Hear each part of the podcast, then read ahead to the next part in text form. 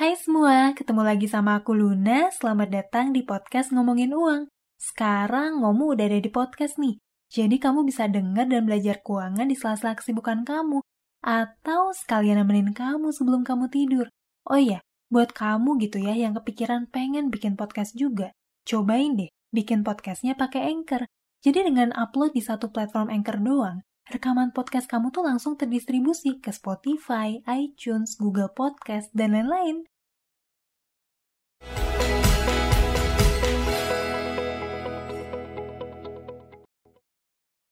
Seperti yang udah kita tahu, daya beli uang yang kita punya tuh makin lama makin berkurang, tergerus sama inflasi.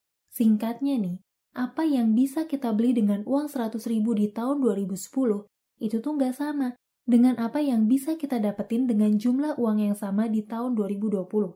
Buat kamu yang belum ngerti tentang inflasi, kamu bisa nih nonton video ngomongin uang tentang inflasi. Linknya aku simpan di deskripsi. Sekarang coba deh kamu inget-inget, kamu nyimpen uang kamu di mana? Di tabungan bank bukan?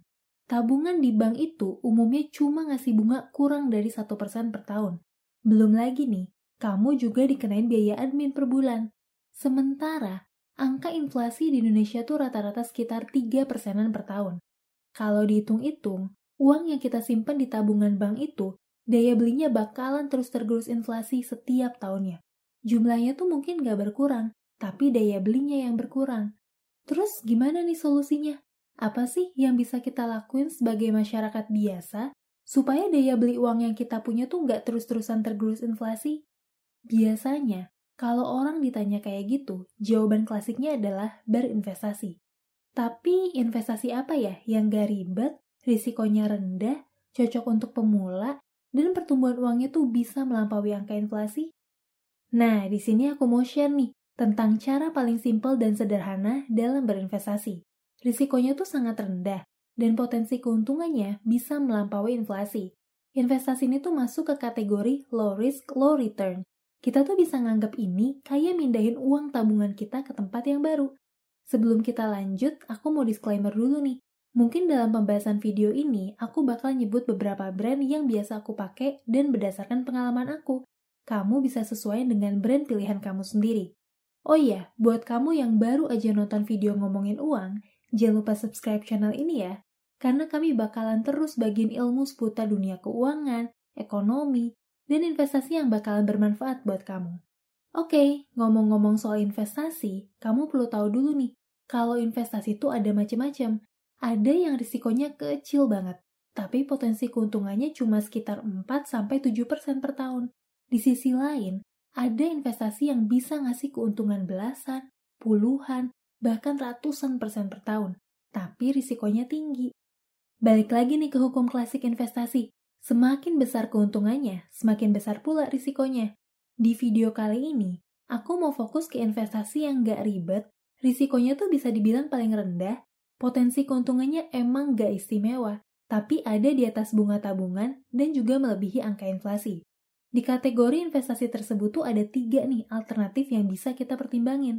Yang pertama adalah reksadana pasar uang atau RDPU, yang kedua adalah obligasi negara, dan yang terakhir adalah deposito bank. Kalau kita lihat tiga alternatif ini, ketiganya tuh sama-sama berisiko rendah. Potensi keuntungannya juga sama-sama di range 4-7% per tahun. Cuma menurutku pribadi, RDPU itu adalah opsi yang paling menarik karena praktis banget, fleksibel, minimal pembeliannya juga murah, cuma sekitar 100 ribuan, dan bisa dicairin kapan aja. Proses pencairannya sendiri tuh makan waktu sekitar 2-3 hari kerja. Nah, Beberapa bulan lalu, kebetulan aku punya uang nganggur nih, hasil pencairan dari investasi lain. Uang itu akhirnya aku masukin ke RDPU. Ini adalah RDPU yang aku punya, yang aku beli sekitar dua bulan lalu. Ada Sukor Invest Money Market Fund, Sukor Invest Syariah Money Market Fund, dan BNI AM Dana Liquid. Aku beli tiga RDPU tersebut di dua platform, Bareksa dan Bibit.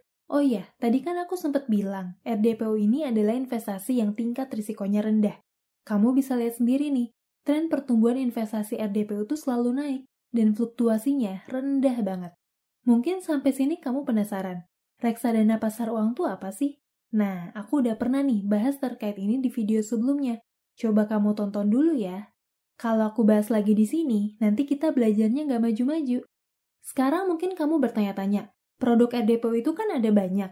Ada sekitar 200-an produk RDPU yang tersedia. Gimana ya cara milih produk RDPU yang bagus? Nah, sekarang aku mau share nih, gimana sih cara aku milih produk RDPU? Ada empat langkah yang aku terapin. Yang pertama, pilih manajer investasi. Yang kedua, pilih produknya. Yang ketiga, lihat histori keuntungan investasinya. Dan yang keempat, lihat expense ratio-nya. Kita bahas satu-satu yuk. Oh ya, aku mau ngingetin nih kalau aku bikin podcast ini pakai Anchor. Buat kamu yang kepikiran juga mau bikin podcast, cobain deh distribusiin podcast kamu pakai Anchor. Yang pertama, pilih manajer investasi. Kamu bisa nganalogiin pilih manajer investasi tuh kayak kamu lagi rekrut orang buat ngelola aset investasi kamu. Jelas kamu nggak bisa sembarangan pilih orang. Kamu harus tahu siapa sih orang yang ngelola investasi kamu Salah satu cara paling gampang buat milih manajer investasi itu adalah dengan melihat seberapa besar dana yang dikelola sama manajer investasi yang bersangkutan. Semakin besar dana kelolaan yang dikelola sama manajer investasi, bisa dibilang operasi bisnis reksadananya tuh jadi lebih stabil. Karena nih, ada risiko tersendiri kalau kita nyimpen uang kita di reksadana dari manajer investasi yang dana kelolaannya belum terlalu besar. Bisa jadi nih, manajer investasi tersebut tuh ngalamin kesulitan keuangan kalau ada nasabah yang mutusin buat mencairkan dananya dalam jumlah besar. Di sisi lain, dana kelolaan ini juga ngegambarin sejauh mana sih manajer investasi tersebut dipercaya sama masyarakat. Nah, di sini kamu bisa lihat nih beberapa nama manajer investasi yang dana kelolaannya besar. Kalau aku sendiri, aku pilih manajer investasi yang ada di 20 besar atau yang dana kelolaannya tuh di atas 5 triliun. Kamu bisa pilih berdasarkan kriteria kamu sendiri. Buat kamu yang mau lebih teliti lagi, kamu bisa cek juga nih, gimana sih kinerja mereka di masa lalu? Pernah bermasalah atau ditegur OJK nggak? Sempat kena kasus yang ngerugiin nasabah nggak? Dan lain-lain. Setelah kita milih manajer investasi yang masuk kriteria, kita lanjut ke tahap kedua, yaitu pilih produknya. Nah, tadi kan aku udah cek nih dana kelolaan manajer investasi. Sekarang aku bakal cek dana kelolaan produk reksadana yang bersangkutan. Biasanya nih, aku pilih produk reksadana yang dana kelolaannya tuh ada di posisi 10 besar. Dana kelolaan itu biasa dikenal dengan istilah AUM atau Asset Under Management. Jadi kalau kamu lihat ada istilah AUM di aplikasi reksadana kamu, itu adalah jumlah dana yang dikelola.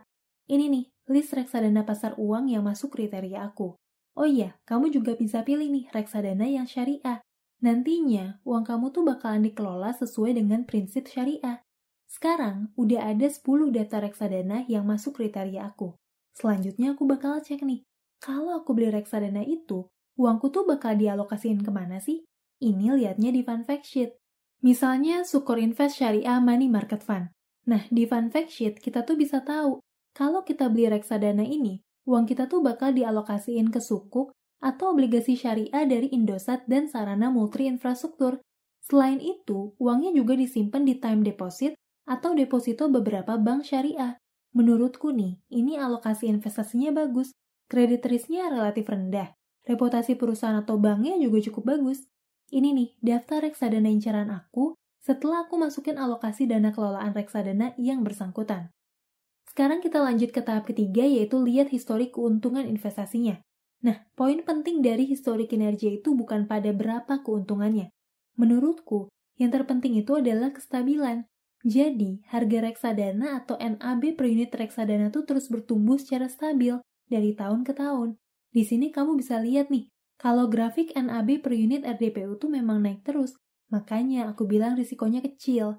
Oh iya, kenaikan dan penurunan harga reksadana pasar uang tuh dipengaruhi sama suku bunga acuan. Karena nih, mereka kan ngalokasiin uangnya ke instrumen pasar uang kayak deposito, surat utang jangka pendek, dan lain-lain. Bunga deposito atau surat utang tersebut tuh dipengaruhin sama naik turunnya suku bunga acuan. Kalau suku bunga acuannya turun, ya keuntungan investasi kamu juga jadi lebih kecil. Sebaliknya nih, kalau suku bunga acuan naik, keuntungan investasi kamu jadi lebih besar.